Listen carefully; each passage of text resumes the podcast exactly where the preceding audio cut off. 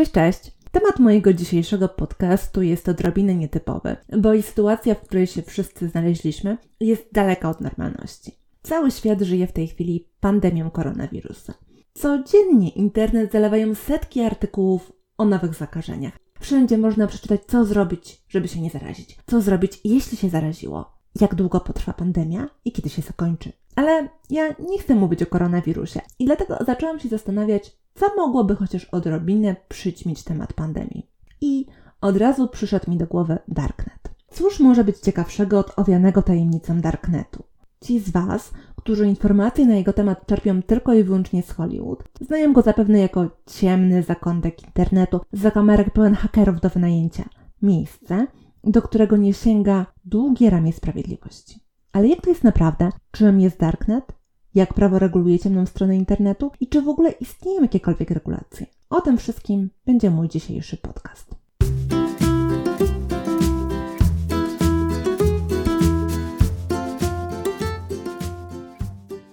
Zacznijmy może od tego, że strony, po których codziennie się poruszamy, stanowią tylko niewielką część internetu. Poza nimi znajduje się Deep Web, czyli ta część internetu, której nie indeksują wyszukiwarki. Tak naprawdę niewielu z nas zapamiętuje w tym momencie adresy stron internetowych. Jeżeli chcemy jakąś stronę znaleźć, wpisujemy po prostu jej nazwę w Google czy w Yahoo. I tyle. Ale istnieją strony, których nie znajdziemy w wyszukiwarkach i to właśnie będzie Deep Web. Wbrew pozorom nie chodzi tutaj jednak o jakieś tajemnicze hakerskie strony. Do DeepNetu zaliczają się na przykład pliki zgromadzone w chmurze na Google Drive czy Dropboxie, albo intranet, albo dane przesyłane między komunikatorami internetowymi, czy nawet dane Facebooka.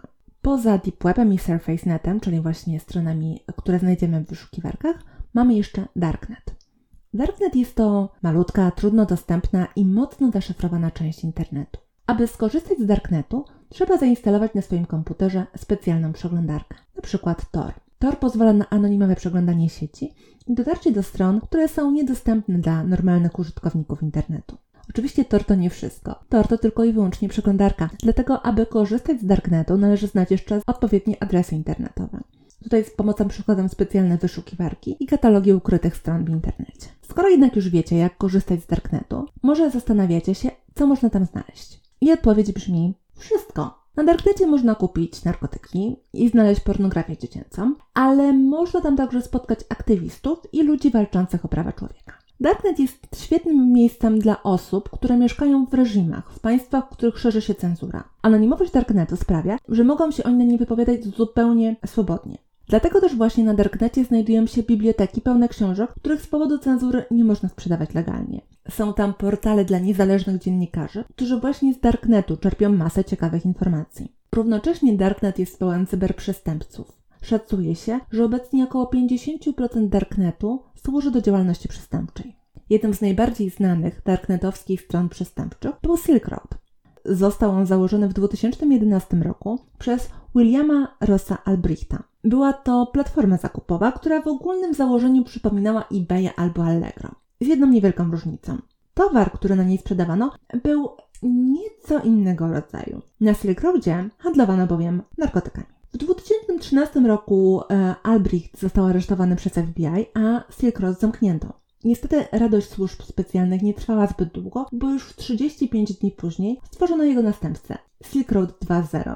Zamknięcie Silk Road 2.0 również nie zatrzymało handlu narkotykami, bo natychmiast znaleźli się następcy, którzy stworzyli Silk Road 3.0. Szacuje się, że średni czas życia tego typu platform transakcyjnych na Darknecie wynosi około 8 miesięcy. W całej historii Darknetu tylko 9 z nich było w stanie przetrwać dłużej niż 3 lata. Poza Darknetem legalnym i Darknetem nielegalnym istnieje także Darknet półlegalny, a dokładniej całkowicie nielegalny, ale za to budzący dość skrajne emocje i bardzo zróżnicowane opinie. To przecież właśnie na Darknecie Chelsea Manning, Julian Assange i Edward Snowden opublikowali swoje materiały. To właśnie w Darknecie działa Anonymous, grupa hakerów walczących o prawa człowieka i wolności obywatelskie, tyle tylko, że w sposób nie do końca legalny. Kwestia regulacji Darknetu budzi także liczne problemy natury prawnej. Pierwszy wiąże się z samym charakterem internetu. Internet nie ma granic, dlatego żadne pojedyncze państwo nie jest w stanie samodzielnie go uregulować. Wprowadzenie ogólnych zasad, które mogłyby mieć zastosowanie wszędzie, wymagałoby szeroko zakrojonej międzynarodowej współpracy. Kłopot w tym, że państwa mają problemy co do tego, żeby porozumieć się w zakresie najprostszych spraw. Pełne uregulowanie internetu na forum międzynarodowym wydaje się więc prawie niemożliwe. Drugi problem wynika z samej natury Darknetu. Zainstalowanie i używanie Tora nie jest przecież nielegalne. Nie może być, bo Tor sam w sobie urzeczywistnia jedno z podstawowych praw człowieka prawo do prywatności. Nie wiem, czy zdajecie sobie z tego sprawę, ale korzystając z internetu przekazujecie innym ludziom ogromną ilość informacji na swój temat. Niekiedy może to przybrać naprawdę ekstremalne rozmiary. Jeszcze w czasach sprzed obowiązywania RODO niejaki pan Schrems zwrócił się do Facebooka z prośbą o udostępnienie kopii danych. Minął miesiąc, dwa, odpowiedzi nie było, więc pan Schrems napisał do Facebooka ponownie i otrzymał informację, że dane są przygotowywane. Kiedy zaś w końcu mu je dostarczono, okazało się, że na CD znajduje się, no i tutaj raporty się różnią, od 1200 do 4000 stron materiałów. Oczywiście obecna sytuacja wygląda nieco lepiej. RODO, na które wszyscy tak mocno narzekają, jakkolwiek niedoskonałe i wadliwe, jest próbą uporządkowania problemu ochrony danych osobowych obywateli. Ma ono oczywiście swoje wady, ale z drugiej strony jego głównym celem jest właśnie ochrona obywateli. Darknet zaś uosabia ochronę prawa do prywatności w najszerszej formie. Pełna anonimowość zapewnia ludziom możliwość swobodnego wypowiadania się na każdy temat. Ale oczywiście jest też druga strona medalu. Anonimowość sprzyja działalności cyberkryminalistów. Kilka krajów na świecie podjęło próbę uregulowania darknetu. Chiny próbują zablokować swoim obywatelom dostęp do Tora. W 2008 roku władze Chińskiej Republiki Ludowej zablokowały stronę internetową Tora, aby uniemożliwić użytkownikom ściąganie go na swoje komputery i instalowanie. Następnie, w rok później, zablokowały także wszystkie węzły przekaźnikowe sieci Tor na swoim terytorium. Ale oczywiście działalność Chin w zakresie cenzurowania jest dużo szersza. Great Firewall of China, współczesny Wielki Mur Chiński, uniemożliwia Chińczykom korzystanie z wielu zachodnich stron internetowych, takich jak na przykład YouTube, Facebook, a nawet siedlisko wszelkiego zła, czyli Wikipedia. Chiny są doskonałym przykładem tego, że w niektórych państwach technologie takie jak Tor są bardzo potrzebne. Wystarczy przypomnieć sobie doktora Li Wenliang, którego aresztowano za podanie do opinii publicznej opinii, opinii o koronawirusie. Oczywiście Chiny nie są jedynym państwem, które podjęło próbę prawnego uregulowania dostępu do Tora. W 2016 roku Rosja przegłosowała ustawę, która nakazywała dostawcom usług internetowych przekazywanie władzom kluczy kryptograficznych. Odmowa wiązała się z nałożeniem kary 1 miliona rubli i oskarżeniem o terroryzm. Ciekawe działanie w tym zakresie podjęła także Austria. W 2014 roku w Austrii aresztowano człowieka, który co prawda nie popełnił żadnego przestępstwa w internecie przy wykorzystaniu darknetu, ale udostępnił swój komputer jako węzeł przekaźnikowy. Moim zdaniem jednak wrzucanie wszystkich użytkowników Tora do jednego worka nie jest najlepszym pomysłem. Skoro więc odgórne uregulowanie sieci jest trudne, a jej wyłączenie niemożliwe, co Państwo mogą zrobić w kwestii Darknetu? Wydaje mi się, że dokładnie to, co robi większość z nich. Czyli nie tyle walczyć z samym Darknetem, co z nielegalnymi sposobami, w jaki jest on wykorzystywany.